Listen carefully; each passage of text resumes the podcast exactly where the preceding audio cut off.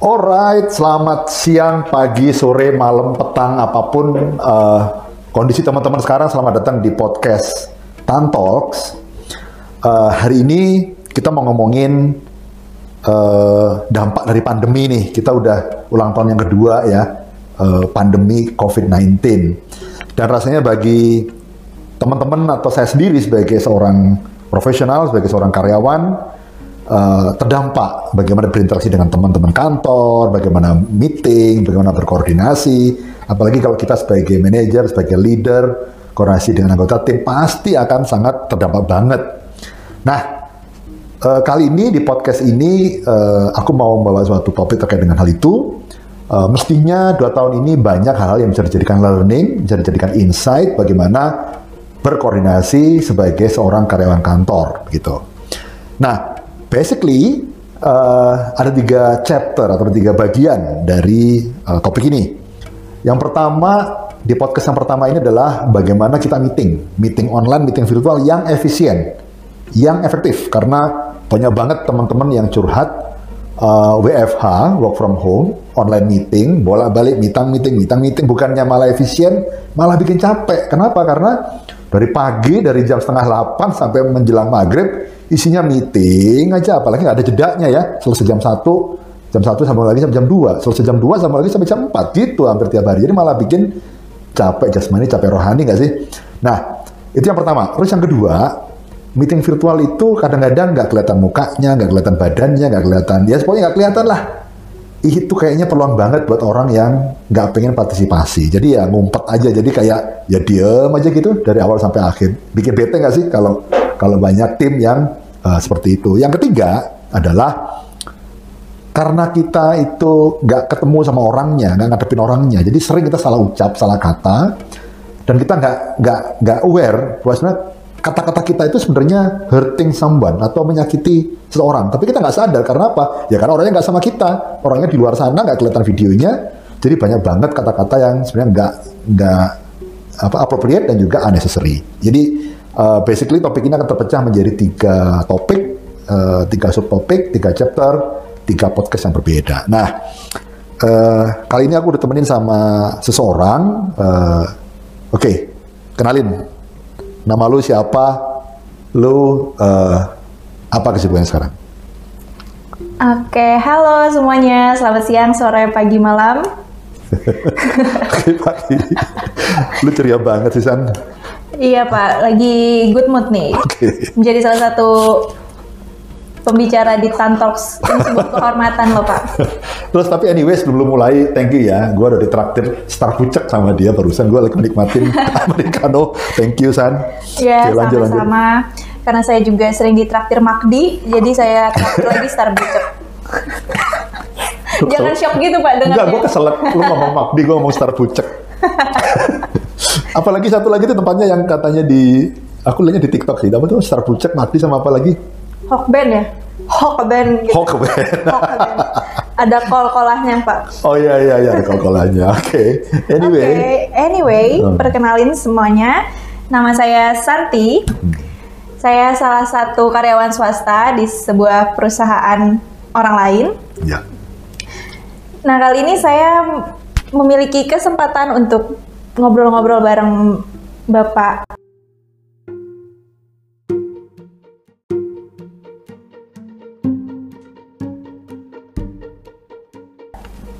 Kantox. Ya. Jadi gimana nih Pak? Apa yang pengen kita omongin kali ini? Um, gini, lu lu udah dua tahun kan lah ya uh, terdampak pandemi ya uh, sebagai karyawan gitu kan. Aku pingin uh, tukar pikiran. Kira-kira kalau kita mau ngangkat topik mengenai meeting yang efisien dan efektif. Oke. Okay. Itu kira-kira apa ya?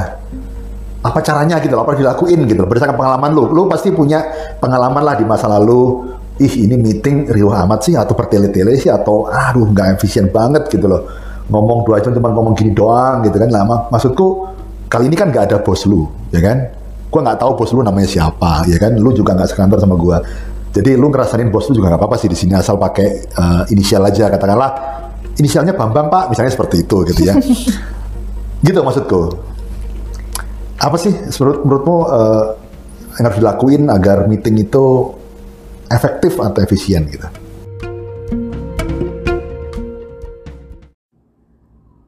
Tips number one, prepare the point, not just agenda.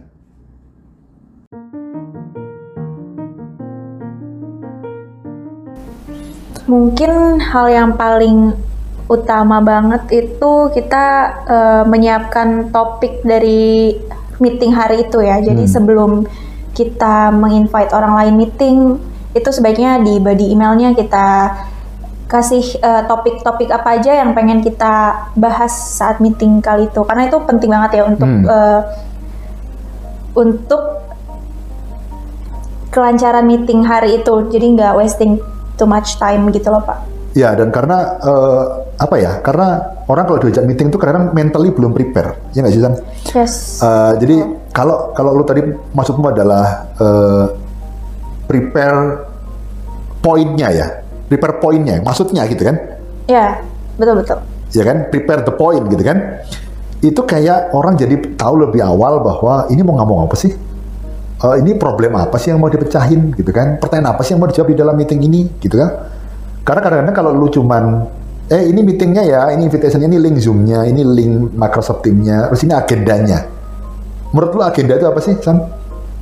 Menurut saya agenda itu tuntutan acara dari meeting tersebut apa gitu kan? aja yang ya. runtutan acaranya doang kan iya. runtutannya doang kan yes. tapi maksudnya meeting itu membahas apa eh, apa yang mau dipecahkan masalahnya kan nggak terjawab di dalam susunan acara atau agenda itu, iya nggak sih? Iya betul. Iya nggak sih? Karena itu terlalu abu-abu sih kalau agenda doang itu ya, kita benar. pasti uh, partisipannya juga akan bertanya-tanya. Iya benar benar benar. Jadi kalau agenda doang sih nggak cukup gitu gitu. gitu. Menurutku sih uh, uh, poin lu bener san. Jadi ya nggak ya, cuma nyiapin agenda, tapi juga prepare poinnya apa, maksudnya apa, ini mau bahas apa gitu ya.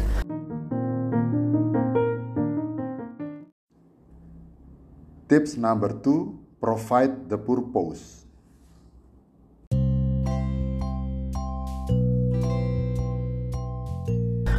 Terus kalau gue bisa nambahin, kalau lu tadi bilang bahwa uh, prepare the point gitu kan, mm -hmm. uh, menurut gue yang kedua adalah bukannya prepare the point, tapi juga purpose. Jadi tujuannya apa gitu? Ah iya. Uh, ya nggak sih? Uh, karena kita harus uh, share kepada calon peserta uh, meeting ini tujuannya untuk ini loh ya teman-teman targetnya adalah untuk ini sasarannya adalah mau mencapai ini gitu kan nah sekali lagi dengan tahu ini sejak awal itu uh, peserta meeting itu bisa selalu diingetin agar tetap fokus pada tujuan awal karena ya lu tahu sendiri kalau meeting itu kan sering melenceng kiri kanan kiri kanan gitu kan yeah. Ya. uh, di tengah-tengah meeting tiba-tiba ada celutukan eh Gagal Muhammad difonis empat setengah tahun penjara langsung ngomongin almarhum Laura Ana atau Gaga sehingga topik meetingnya jadi melenceng ke mana-mana. Nah dengan purpose itu diberitahu sejak awal peserta itu juga jadi aware oh purpose-nya ini. Jadi kalau di tengah jalan itu ada gangguan, ada distraction, uh, apa uh, purpose akan membantu untuk kembalikan lagi pada on track yang sebenarnya disetting sejak sejak awal gitu. Setuju sih. Oke. Okay. Karena uh, tujuan utama meeting tersebut harus tercapai di waktu yang nggak banyak kalau misalnya online meeting karena kan yang lain juga memiliki agenda masing-masing. Benar, benar, benar, benar. gitu. Terus?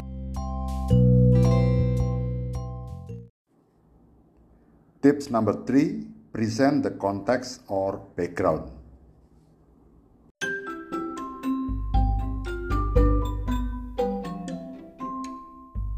Terus, terus apa nih? Apa lagi nih? Mungkin selain kita menentukan tujuan meeting tersebut, kita bisa jelasin dulu kali ya uh, background atau latar belakang apa sih sebenarnya yang membuat meeting ini diadakan. Kenapa menurut lu ini penting? Background, konteks, konteks kan maksud lu? Ya, supaya uh, para partisipan tuh paham sebenarnya uh, rapat ini balik lagi tadi tujuannya apa, hmm. terus juga uh, latar belakangnya apa, kayak gitu sih pak. Ya, karena uh, kalau tadi uh, purpose itu kan yang akan dicapai, ya nggak sih? Yeah. Yang akan dicapai di bagian akhir meeting, gitu kan? Di bagian akhir meeting. Sementara kalau background atau konteks ini kan yang terjadi sebelum meeting, ya nggak sih? Yes. Ya toh, misalnya katakanlah kita mau meeting mengenai sales. Backgroundnya apa? Ya karena sales minggu lalu nggak tercapai, makanya diadakan meeting ini. Hmm. Jadi menurutku dengan menjelaskan backgroundnya, konteksnya, uh, peserta meeting jadi tahu, oh bos gua mengundang meeting gara-gara minggu lalu salesnya nggak tercapai. Makanya gua well prepare untuk uh, apa memenuhi uh, background ini kan gitu kan. Oh ini mengenai sales yang belum tercapai gitu kan. Itu backgroundnya gitu loh. Gitu kan? Iya betul. Hmm. Terus gimana? Menurut Bapak nih, Hmm. Uh, selain ketiga hal utama itu ada apa lagi? Tapi sebelum sebelum ke ke, ke poin berikutnya, menurut lu kalau misalnya nih, men- kalau misalnya eh, Santi sebagai fasilitator atau yang undang meeting itu memberitahu dulu pada para peserta tadi apa tuh yang pertama poinnya apa gitu kan, maksudnya apa gitu kan. Terus yang kedua eh, purpose-nya apa. Terus yang ketiga apa tuh San? Background dari meeting tersebut. Ah, lu sebagai peserta meeting, kalau lu diberitahu lebih sejak awal sebelum meeting dimulai, eh Santi, poinnya ini ya, purpose-nya ini ya, background-nya ini ya, lu ngerasa gimana? Lu ngerasa gimana? Merasa lebih excited sih untuk meeting tersebut. Jadi uh, pertama kita udah bisa prepare ya apa aja yang mau kita sampaikan uh, di waktu itu. Hmm. Terus juga uh, kita mempunyai ekspektasi-ekspektasi tertentu dari hasil meeting tersebut. Hmm. Jadi uh, lebih jelas saja tujuan meeting tersebut itu kalau misalnya kita sudah well prepared. Hmm. Hmm. Prepare dalam arti apa nih? Ya seperti tadi kita sharing poin yang ingin kita bahas, Hmm. terus juga uh, kita kasih tahu ke partisipan purpose-nya apa, terus juga kita kasih tahu background kenapa meeting ini harus diadakan. Hmm.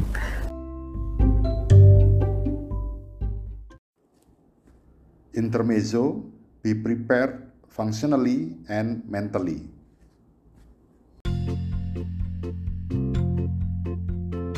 Eh, menurut lu eh, selama ini sebagai peserta meeting eh, beda nggak antara prepare secara fungsional dengan prepare secara mental menurut lu?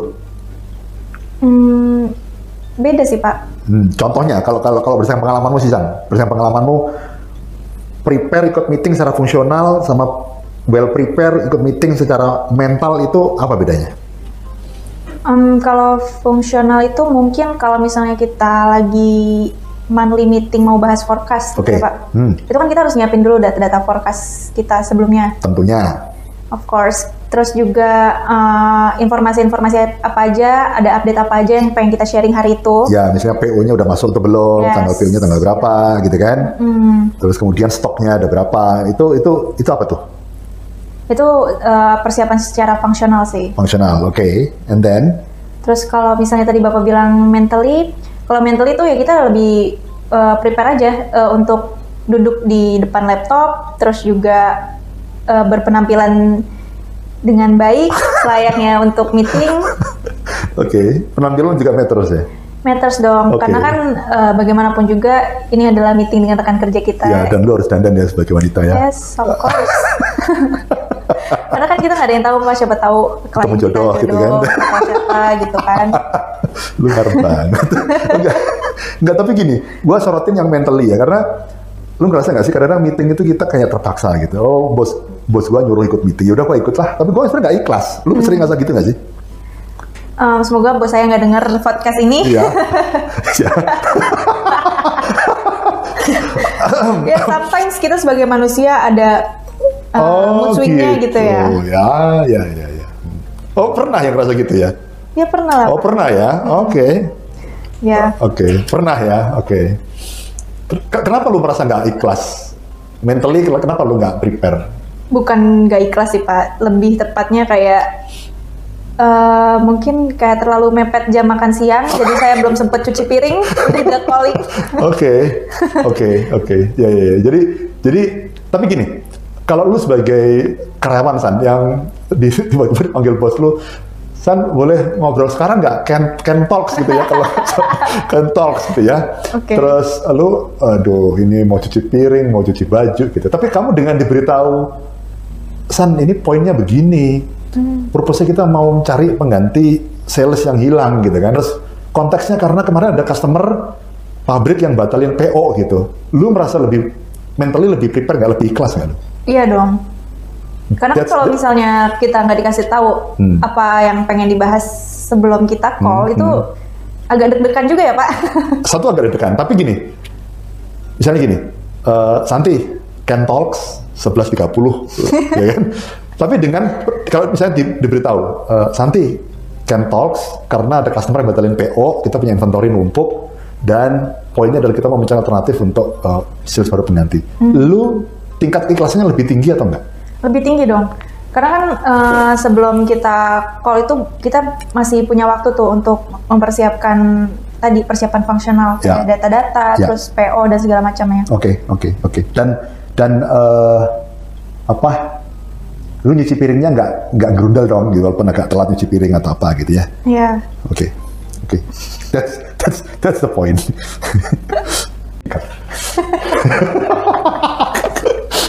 Oke oke okay, anyway, uh, apa lagi nih?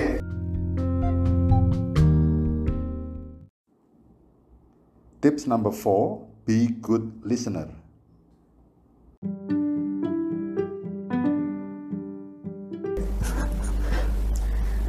Oke, okay, mungkin tips selanjutnya itu hmm, bisa kita bisa menjadi good listener untuk listener ha, iya sih. Kalau menurut gua sih lawan bicara kita ya. ngedenger itu ngedenger itu matters skill yang matters dalam sebuah uh, virtual meeting gitu ya. Karena dengerin laptop atau dengerin layar laptop itu nggak semudah dengerin orang. Uh, ya nggak sih? Nggak tahu lu gimana gua langsung motong aja. Nah itu lu enggak? salah satu bukan good listener atau enggak? Enggak ya sorry ya sorry. Kan kan kalau partneran di podcast kan nggak pakai aturan yeah, ya yeah. kan? Nggak boleh baper ya toh? Yeah. gue kan bukan bos lu. Gua kita kan partner podcast. Jadi ya biasa aja kali walaupun dipotong gitu loh. Mm -hmm. udah ngomong lah yang mendengar? Iya biasanya kalau misalnya di online meeting itu kan sinyal tuh kurang stabil hmm. atau uh, kita tuh lebih gampang ke distract sama hal-hal di sekitar kita. Ya. Nah itu penting banget supaya kita uh, tetap fokus ngedengerin uh, diskusi meeting tersebut gitu. Iya karena begitu lu udah terdistract dengan cucian piring atau terdistract dengan anak-anak uh, di rumah atau terdistract dengan mungkin ada orang di rumah yang memanggil atau eh makanannya siap gitu kan. Lu kehilangan sekian detik momentum dengerin uh, di dalam forum virtual itu ya udah lu akan kayak ke ini resiko salah resepsi eh salah persepsi akan tinggi gitu loh. Gitu toh. Iya. Yeah. uh, jadi ini kayak nyetir mobil gitu begitu lu kehilangan konsentrasi beberapa detik aja langsung mobil bisa oleng atau bagaimana. Ini sama dengan kalau di virtual meeting gitu. Nah cuman gini ini teorinya kan menjadi seorang good listener, teorinya gitu. Tapi apa yang harus dilakuin ya San ya, agar kita itu menjadi pendengar yang baik, tapi juga dianggap oleh peserta meeting sebagai pendengar. Jadi okay. menjadi pendengar yang baik dengan dianggap ini berbeda loh ya. Iya. Karena kalau kita uh, mendengarkan, sebenarnya mendengarkan, tapi kita oleh peserta itu dianggap, eh uh, Pak Bambang kok nggak dengerin ya, dianggap nggak dengerin itu juga nanti mempengaruhi atmosfer dari meeting itu gitu. Iya, Jadi iya. apa yang dilakuin? Ya?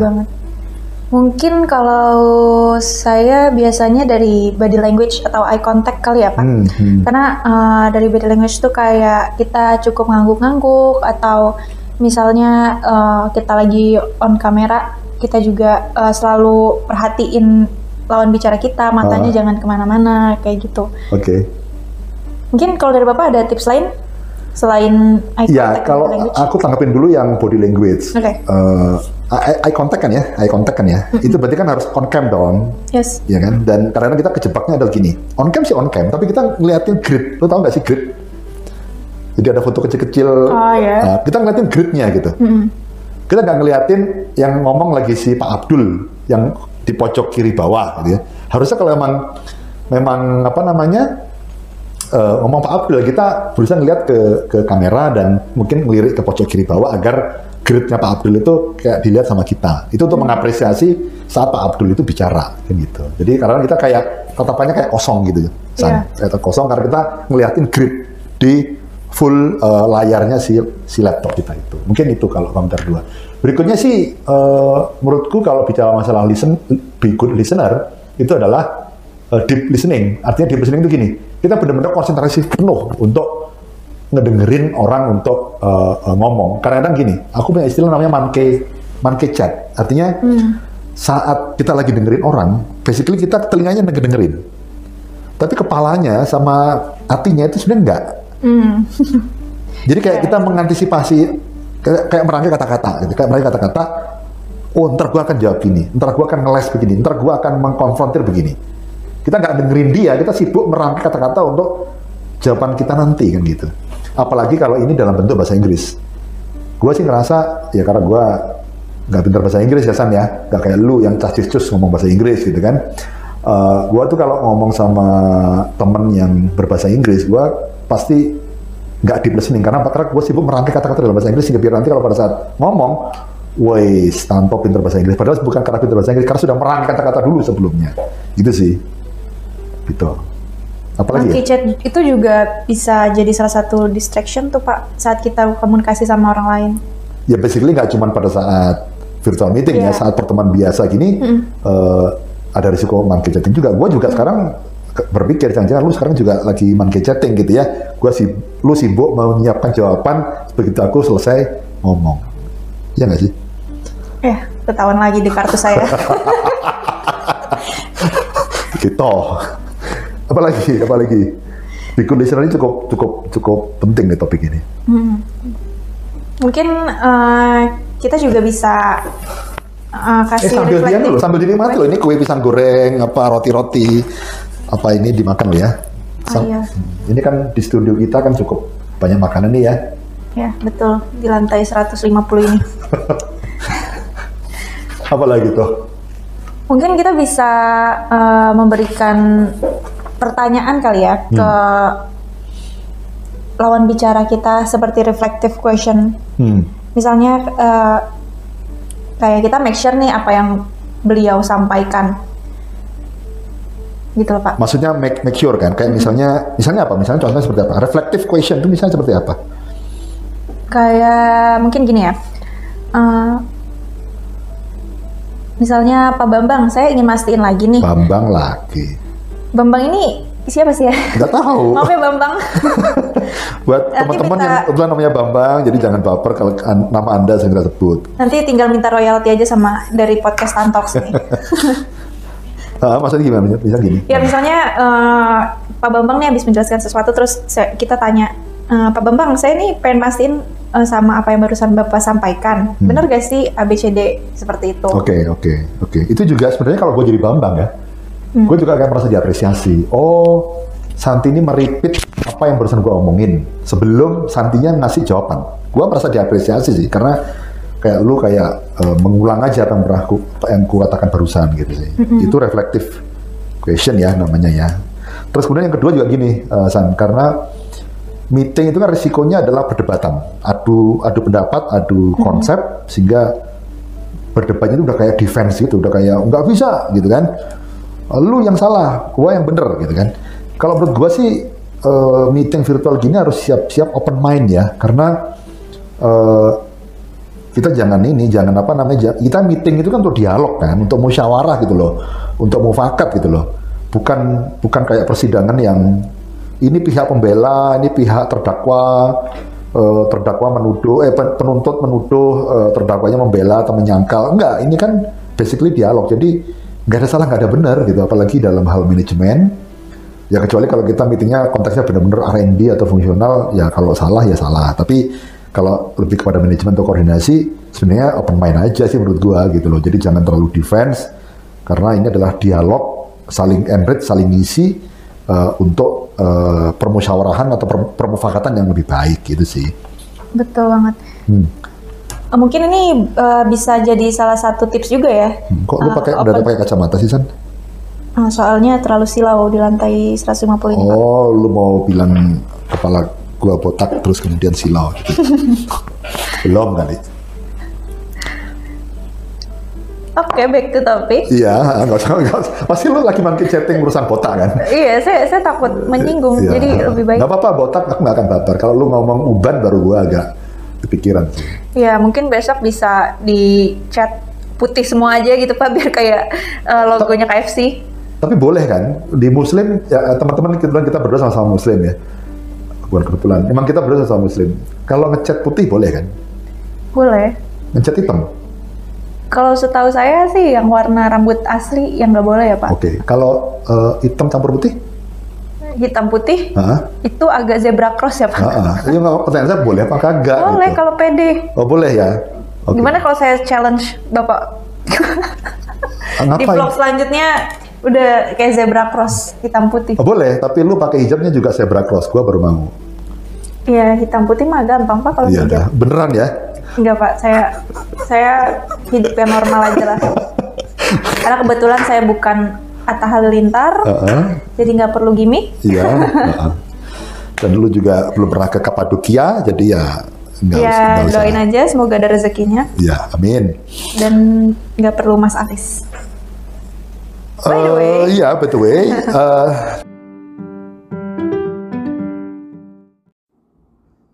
Tips number five, sharing feedback.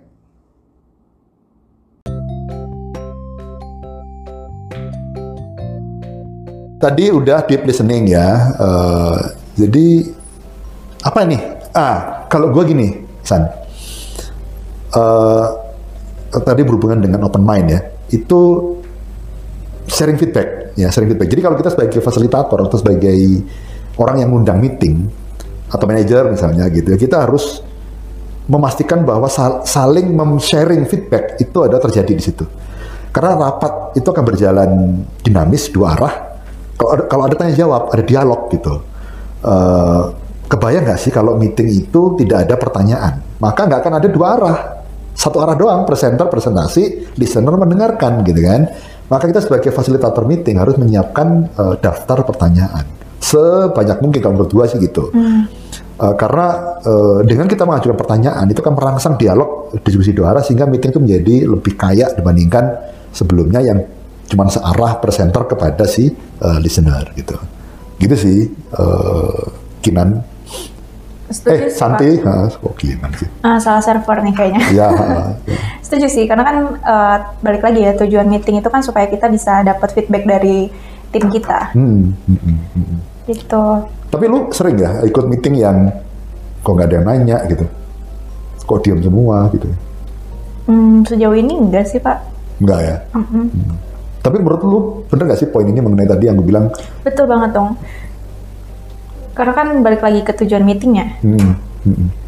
Maksudnya eh, kalau misalnya nggak ada sharing feedback dalam meeting itu itu namanya presentasi doang. Ya, dan dan lu sebagai fasilitator kan sebaiknya menyiapkan daftar pertanyaan dong. Yes, betul. Kalau misalnya pesertanya itu pada aktif semua, proaktif semua, nggak usah lu pancing dengan pertanyaan lu, mereka akan nanya dengan sendirinya dan meeting akan dinamis.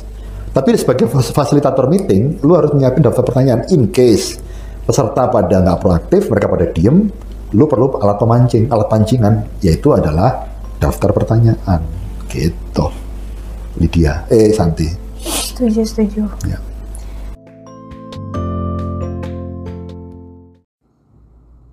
Tips number six, brief ice breaking.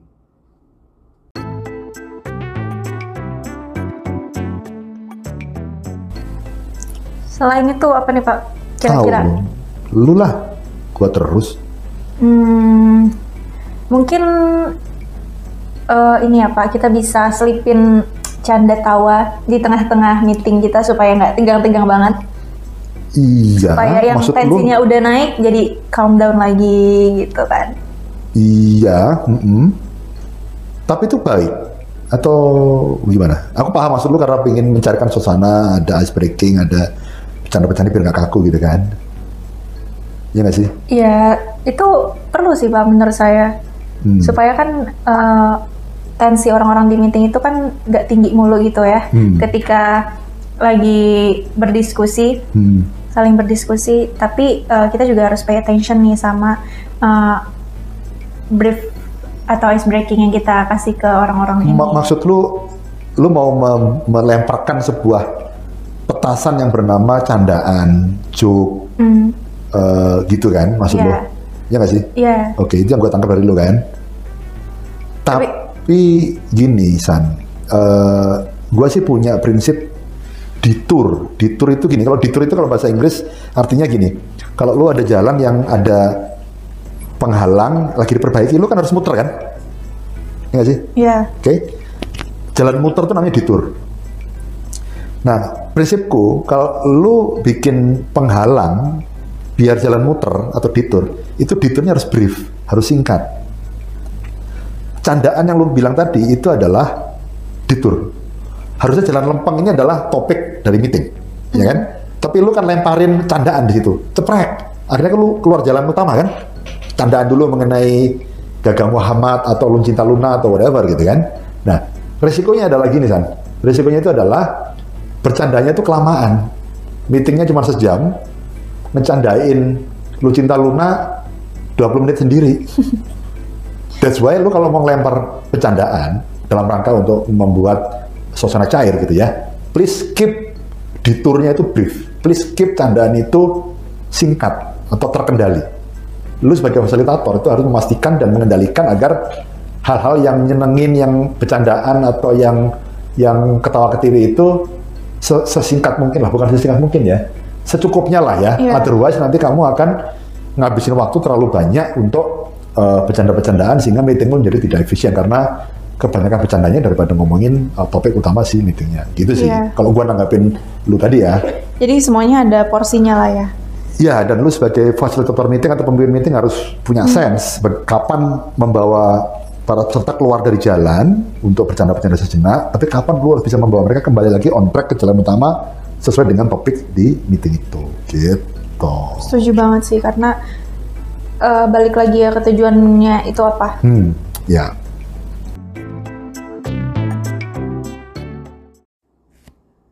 Intermezzo, branding, Starbucks, and Harry Styles.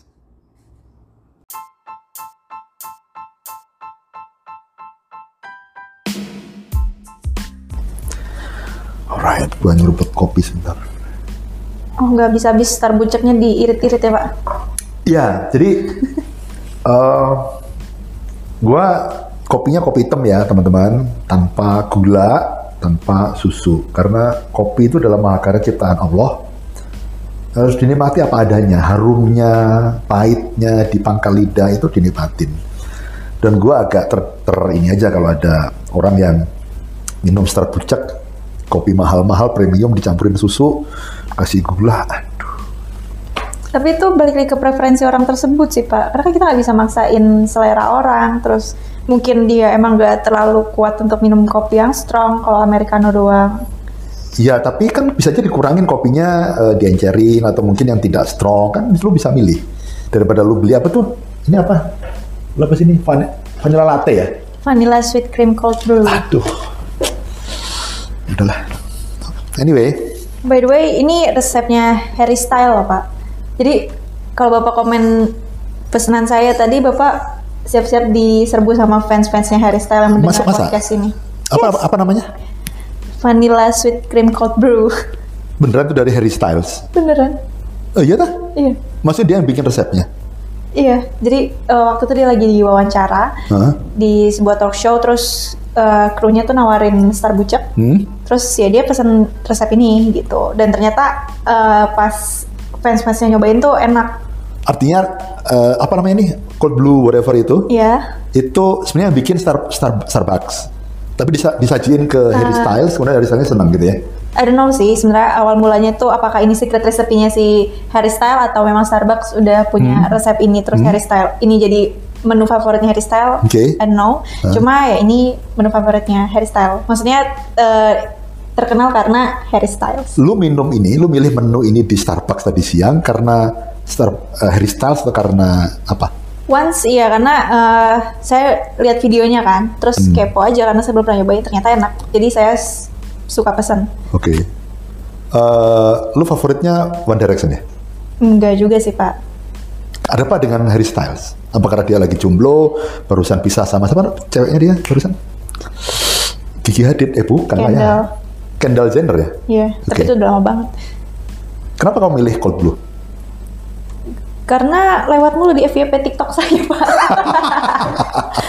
Oke teman-teman, jadi uh, sorry ini tadi contoh mendemonstrasikan gift detour brief ya. Kira topiknya mengenai online meeting kita nyimpang sejenak ngomongin mengenai Harry Styles. Teman-teman, ini sebenarnya podcast ini nggak disponsori oleh Starbucks ya. Aku nggak terima endorsement dari Starbucks, tapi nggak apa-apa. Ini kita ngomongin Starbucks. Jadi Santi ini pesannya apa san? Cold blue apa? Vanilla sweet cream cold brew. Vanilla sweet cream cold, cold brew. blue di Starbucks. Teman-teman bisa pilih sendiri kalau pas lagi datang ke Starbucks. Uh, uh, dia membeli ini karena dia terendorse sama Harry Styles yang mengendorse ini produk. Not because the taste, right? Because of After the all, karena taste-nya. Once saya coba enak. Oke, okay, first step karena Harry Styles karena taste? Harry Styles. Oke, okay, that's the point.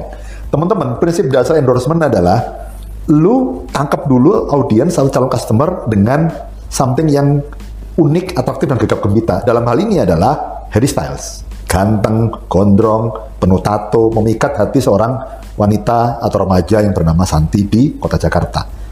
Kalau seandainya uh, rasa cold blue ini nggak enak, Santi pasti nggak akan repeat. Lu repeat terus ya ini ya? Iya. Yeah. Karena rasanya enak. Yes. Esensi produk seperti itu, esensi brand management seperti itu. Ibarat nasi goreng, ibarat nasi goreng, pastikan bahwa nasi goreng itu asapnya mengepul harum pergi ke mana-mana. Itu adalah endorsement. Tapi kalau lu cuma harum doang, begitu dimakan sama konsumen rasanya nasi gorengnya biasa-biasa aja, dia belinya sekali doang nggak akan repeat. Kunci, sukses, kunci suksesnya si Cold Blue ini adalah kepulan asapnya nasi goreng itu adalah Harry Styles-nya, rasa Cold Blue yang enak itu adalah kayak rasa nasi goreng yang tadi. Gitu, Mungkin strategi marketing itu juga berlaku sama roti boy kali ya Pak? Kok bisa gitu? Gua nggak ngeliat gitu. Oh, memang Karena gitu. Kalau roti boy itu kalau kita lewat tuh wanginya langsung bikin lapar. Iya. Mm -mm. Padahal kita pun juga nggak lapar-lapar amat dan nggak mau makan roti boy sebenarnya. Cuma I... karena wanginya yang terlalu strong menggoda. Iya, ingat nggak? Aku pernah pernah di mana ya yang kita waktu itu aku ada roti wanginya wangi itu. Ya benar-benar, gue setuju, gue setuju. Dan prinsip yang sama juga terjadi pada bread talk. Ya. Lu kalau ke mall nggak nggak nyium, nggak sebenarnya nggak terlalu nyium wanginya bread talk. Tapi lu melihat di dalam suatu dapur yang transparan, kaca, orang-orang pada uh, antusias masak roti bread talk. Ya nggak sih? Itu adalah sebenarnya kepulan asap nasi goreng tadi. Hmm. Perkara bread talk rasanya enak, itu adalah rasa nasi goreng yang enak perkara roti boy itu dimakan rasanya juga creamy dan tasty, itu juga rasa nasi goreng yang enak. Jadi prinsipnya seperti itu. Setuju sih.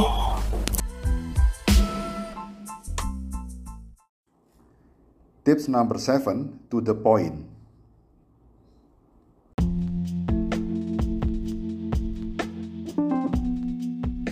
Alright, udah balik ke topik lagi. Yuk ngomongin virtual meeting. Durasi, durasi, durasi. Apa nih, nih poin berikutnya? Apa nih Pak? Kalau menurut lo apa? Kalau menurut saya apa ya poin selanjutnya itu hmm, kita harus tahu sih Pak uh, kapan kita harus uh, berhenti atau kapan kita harus start sebuah poin hmm. yang ingin kita sampaikan. Hmm. Jadi uh, pembicaraan di meeting tersebut tuh cukup jelas dan tidak bertele-tele. Hmm. Kenapa lu menuduh seperti itu? Karena itu akan wasting time sih Pak. Nggak, kenapa orang melakukan ngomong yang hmm. panjang lebar diulang-ulang berbelit-belit diulang-ulang kayak kaset. Kalau kata Ania Geraldine, kaset lama kusut kaset pokoknya kaset kusut lah diulang-ulang terus gitu. Kenapa orang melakukan seperti itu? Kenapa orang melakukan seperti itu gitu? Karena uh, mungkin kurang persiapan. Oke. Okay. Atau Um, merasa demam panggung gitu pak. Iya, terus? Padahal Bapak Jokowi juga tidak ada di meeting room tersebut. iya, uh, terus? Karena apalagi karena apa? Karena uh, monkey chatting juga termasuk tuh pak, itu bisa. Monkey chatting benar, terus terus? Terus juga um, apa ya? Karena uh, poinnya belum dapat, jadi uh, that's the point. Jadi Santi benar. Orang sering ngomong kalau di meeting itu bertele-tele panjang lebar diulang-ulang terus kayak kaset rusak. Dan kalau menurut Santi itu karena satu karena dia uh, kurang persiapan sehingga hmm. grogi. Salah satu cara untuk mengurangi grogi adalah dengan ngomong. Itu groginya akan hilang. Padahal yang diomongin nggak ada intinya.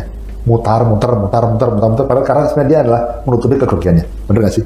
Yes, betul. Lu sebagai orang yang sering grogi di Pak Jokowi, ngerasa sering gitu gak sih? Iya. Yeah. Oke. Okay. Terus uh, yang kedua adalah uh, ada kayak suara di dalam otak kita yang itu belum pada paham tuh belum pada jelas tuh ulangi terus ulangi terus gitu kan ini sering terjadi pada orang yang merasa lebih senior merasa lebih pinter merasa lebih jagoan merasa lebih powerful dia ngerasa peserta meeting itu anak-anak kecil semua anak-anak junior semua belum pada paham semua gue sebagai orang yang lebih tua atau lebih senior ingin ngulang-ngulang-ngulang-ngulang terus menekankan terus sampai anak-anak muda itu paham semua. Padahal sebenarnya tanpa sadar kita ngomong yang berulang-ulang berulang-ulang berulang-ulang. That's happens. Ya nggak sih? Iya betul. Tips number 8, short but meaningful recognition.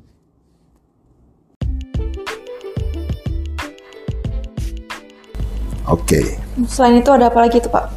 Masih ada nggak tips-tips untuk um, para pendengar kita?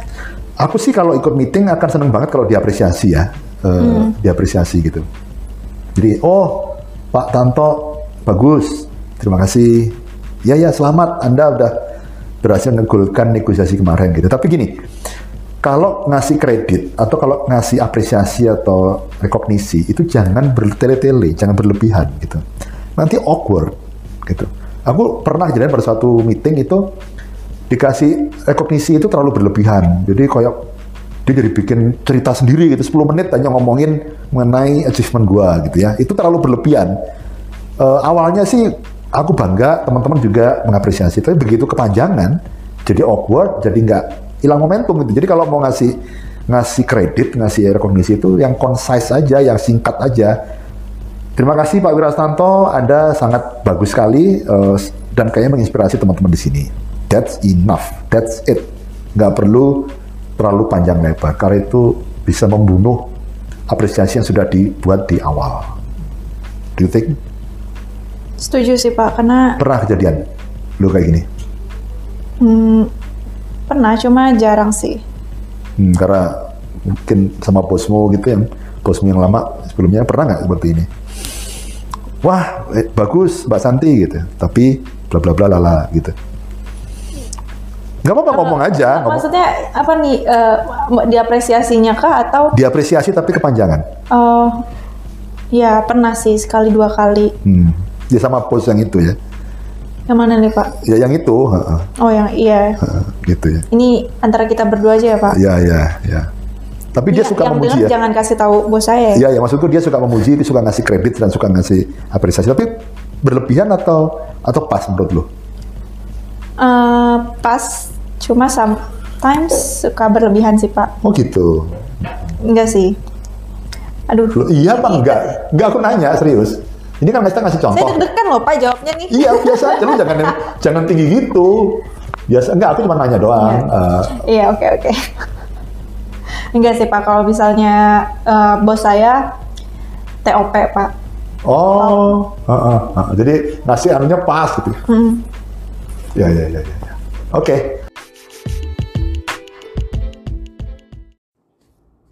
Tips number nine, help others stay on point.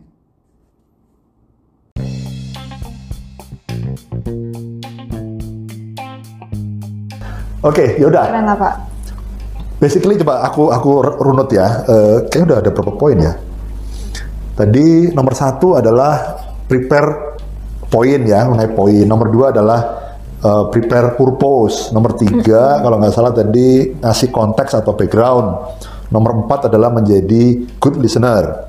Nomor lima sharing feedback uh, apa atau ngasih daftar pertanyaan. Nomor 6 mengenai canda-candaan ya uh, uh, ice breaking tapi kalau bisa itu di tour atau canda-candaan itu brief aja singkat aja. Nomor 7 kalau ngomong to the point uh, jangan terlalu bertele-tele, jangan terlalu panjang lebar. Uh, nomor 8 kalau ngasih kredit atau ngasih pujian uh, secukupnya, jangan terlalu berkelebihan. Udah nomor 8. Nomor 9, San. Mungkin yang ke 9 ini uh, apa ya? Kita bisa membaca suasana saat meeting sih. Hmm. Ya kalau misalnya rekan kita sering out of topic atau oversharing, terus juga jadinya ngelantur, kita bisa uh, remind beliau mm-hmm. supaya uh, back on track gitu loh pak. Mm-hmm. Jadi uh, nggak uh, ke mana-mana yang dibicarakan tuh tetap ke poinnya dan nggak buang-buang waktu jadinya. Oke, okay. Pernah kamu melakukan seperti itu di kantormu? Um, kalau saya kayaknya belum deh pak. Oh belum ya? Cuma akan saya implementasikan sih. Oke. Okay. Oke, okay. tapi uh, ya memang ini nggak gampang sih karena uh, kadang-kadang juga uh, kalau yang peserta meeting itu lebih tua, lebih senior gitu atau lebih jumawa itu mungkin agak susah juga ya. Tapi ya kita harus try. Kita kita kalau ada orang yang ngobrolnya sudah di luar topik, di luar konteks, ya kita harus ingetin. Uh, aku sih pernah uh, bosku beberapa kali itu motong omongan, uh, ya begini begini begini gitu ya. Jadi langsung orang yang dipotong itu sadar bahwa ini sebenarnya di luar konteks gitu ya. Hmm. Gitu sih. Tapi itu masalah keberanian.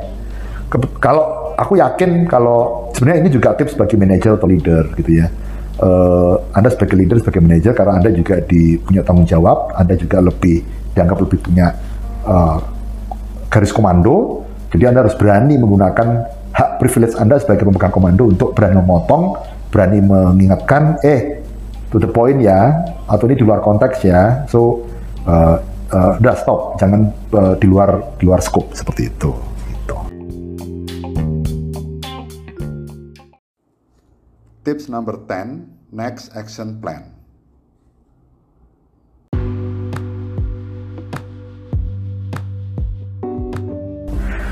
Ya, Oke, okay. aduh, Mungkin, banyak banget nih.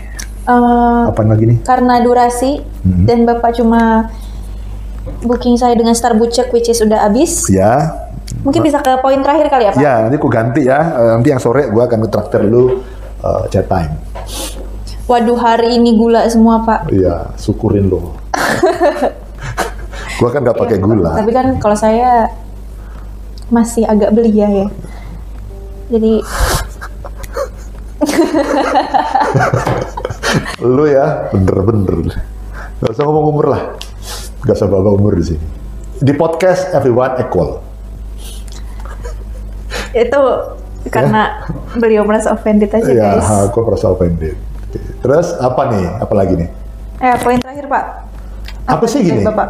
Uh, minute of meeting atau uh, action plan itu harus ditulis, itu harus hmm. dirumuskan, harus diformulasikan, harus dibuat oleh fasil setiap fasilitator meeting. Otherwise, kita ngomong-ngomong doang, talking talking talking talking doang, uh, ngemeng-ngemeng doang, tapi nggak tertulis, nggak ada action plan-nya, akhirnya kehilangan jejak. Harus ada rekam jejaknya, harus ada tulisannya. Ini si Anu ngerjain ini, harus kelar kapan. Si Anu ngerjain itu, harus kelar kapan. Itu ditulis, itu harus dibuatkan oleh si fasilitator. Ada banyak istilah, ada action plan lah, ada minute of meeting, MOM, dan sebagainya. Dan sebagai fasilitator meeting, sebaiknya gini, San, harus melakukan tracking secara berkala gitu. Uh, apa banyak banget manajer yang berpikir yang penting kan gue udah bikin meeting hari ini that's it that's enough no uh, perjalananmu belum perjalananmu belum selesai nak uh, lu harus ensure bahwa selesai meeting semua action plan ditulis dengan rapi siapa ngerjakan apa dan di tracking lu harus tracking uh, seminggu kemudian eh Bambang Bambang lagi lu udah ngerjain ini belum minggu kedua eh Aris lu udah ngobrol belum sama si Lydia gitu kan dan sebagainya gitu sih San. Otherwise ini meeting cuma ngomong kosong belaka. Uh, tidak akan membuat tidak akan memberikan value dan impact kepada perusahaan karena cuma ngemeng-ngemeng doang. Gitu. Ya, betul. Karena kadang begitu, Kinan? Setuju. Hmm. Karena kadang uh, partisipan juga bingung ya apa yang harus mereka lakukan selanjutnya atau step apa yang harus mereka ambil setelah uh, meeting tersebut. Uh, sebenarnya satu mungkin dia bingung san, tapi yang kedua adalah mereka kan meetingnya bukan cuma sama kita doang Ya. Mereka banyak meeting, banyak action plan. Kalau kita sebagai yang undang meeting X, sementara mereka lagi ada meeting Y dan di meeting Y itu banyak deadline, kita yang di meeting X ini juga mungkin membuat si kawan kita ini juga uh, lupa gitu karena dia terdistract hanya memenuhi deadline-nya yang terkait dengan meeting Y, yang meeting X sama kita dia lupa nggak ngerjain. Ya salah kita sebagai pemilik meeting, sebagai fasilitator meeting, kenapa kok nggak membuat suatu action plan atau minute of meeting gitu sih kalau gua mikirnya. Setuju sih Pak. Closing and summary.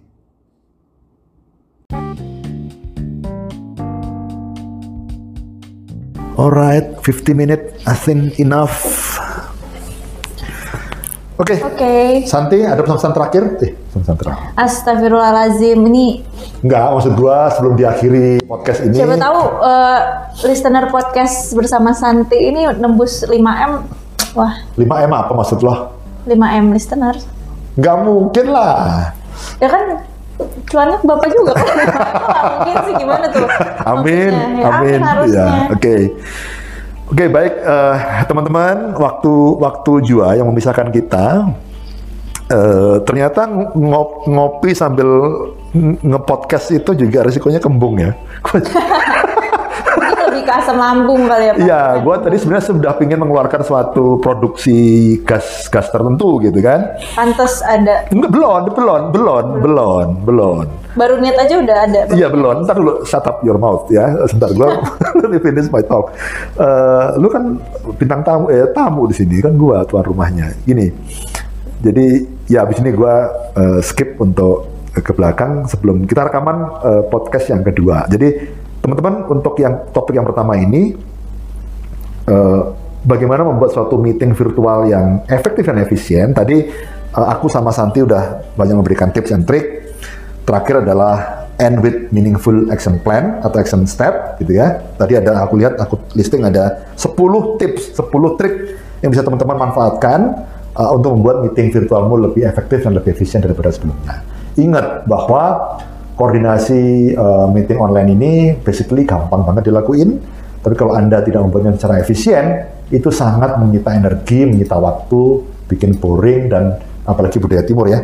Uh, ya, ya, ya ikut meeting, tapi basically mereka juga tidak terlalu partisipatif. Nah, ngomong partisipatif, nanti di podcast bagian kedua, di chapter kedua, gue sama Santi akan mengulik chapter kedua, yaitu mengenai bagaimana ningkatin apa sih uh, partisipasinya orang-orang yang ikut virtual meeting gitu ya.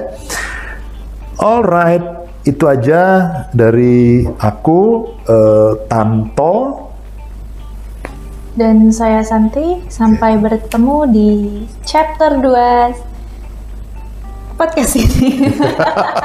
Oke, okay. okay. see you teman-teman. Selamat sore, malam, petang, apa pun Anda. Makasih, selamat sore. Assalamualaikum warahmatullahi wabarakatuh. Waalaikumsalam.